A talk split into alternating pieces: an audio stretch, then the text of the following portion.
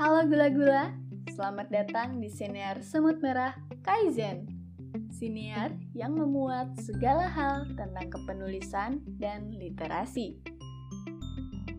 Bulan Februari ini akan dipenuhi dengan berbagai karya cerita dan opini dari para semut bisun fiksi.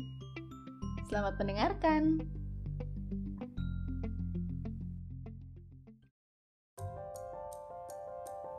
Semut Fiksi bertanya, Pengalaman apa di hidupmu atau orang di dekatmu yang rasanya kok kayak cerita fiksi ya?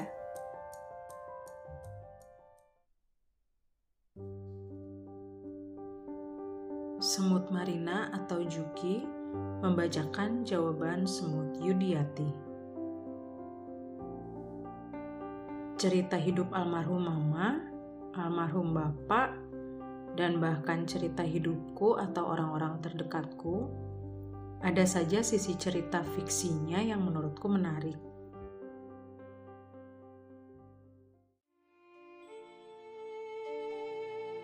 Mamaku adalah orang Jepang, anak seorang geisha. Beliau lahir di tahun 1935 di Yokohama Kisah hidup Mama sangat unik menurutku, terutama karena beliau selalu merahasiakan ceritanya itu. Mama yang aku kenal adalah single working mom yang luar biasa, pekerja keras dan survive sendirian di negeri orang yaitu Indonesia ini, membesarkan kedua anaknya sampai kami bisa mandiri. Mama diboyong bapak almarhum tahun 1969 ke Indonesia. Dan sayangnya kemudian ditinggal bapak meninggal di tahun 1973.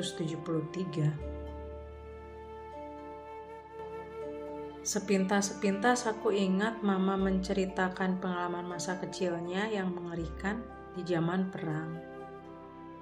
Harus mengungsi ke hutan dan ditinggal oleh ibunya yang bekerja tapi ceritanya tidak pernah tuntas.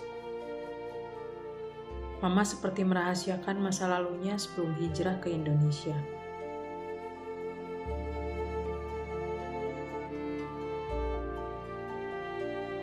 Demikian episode hari ini.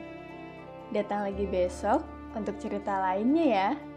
Salam literasi.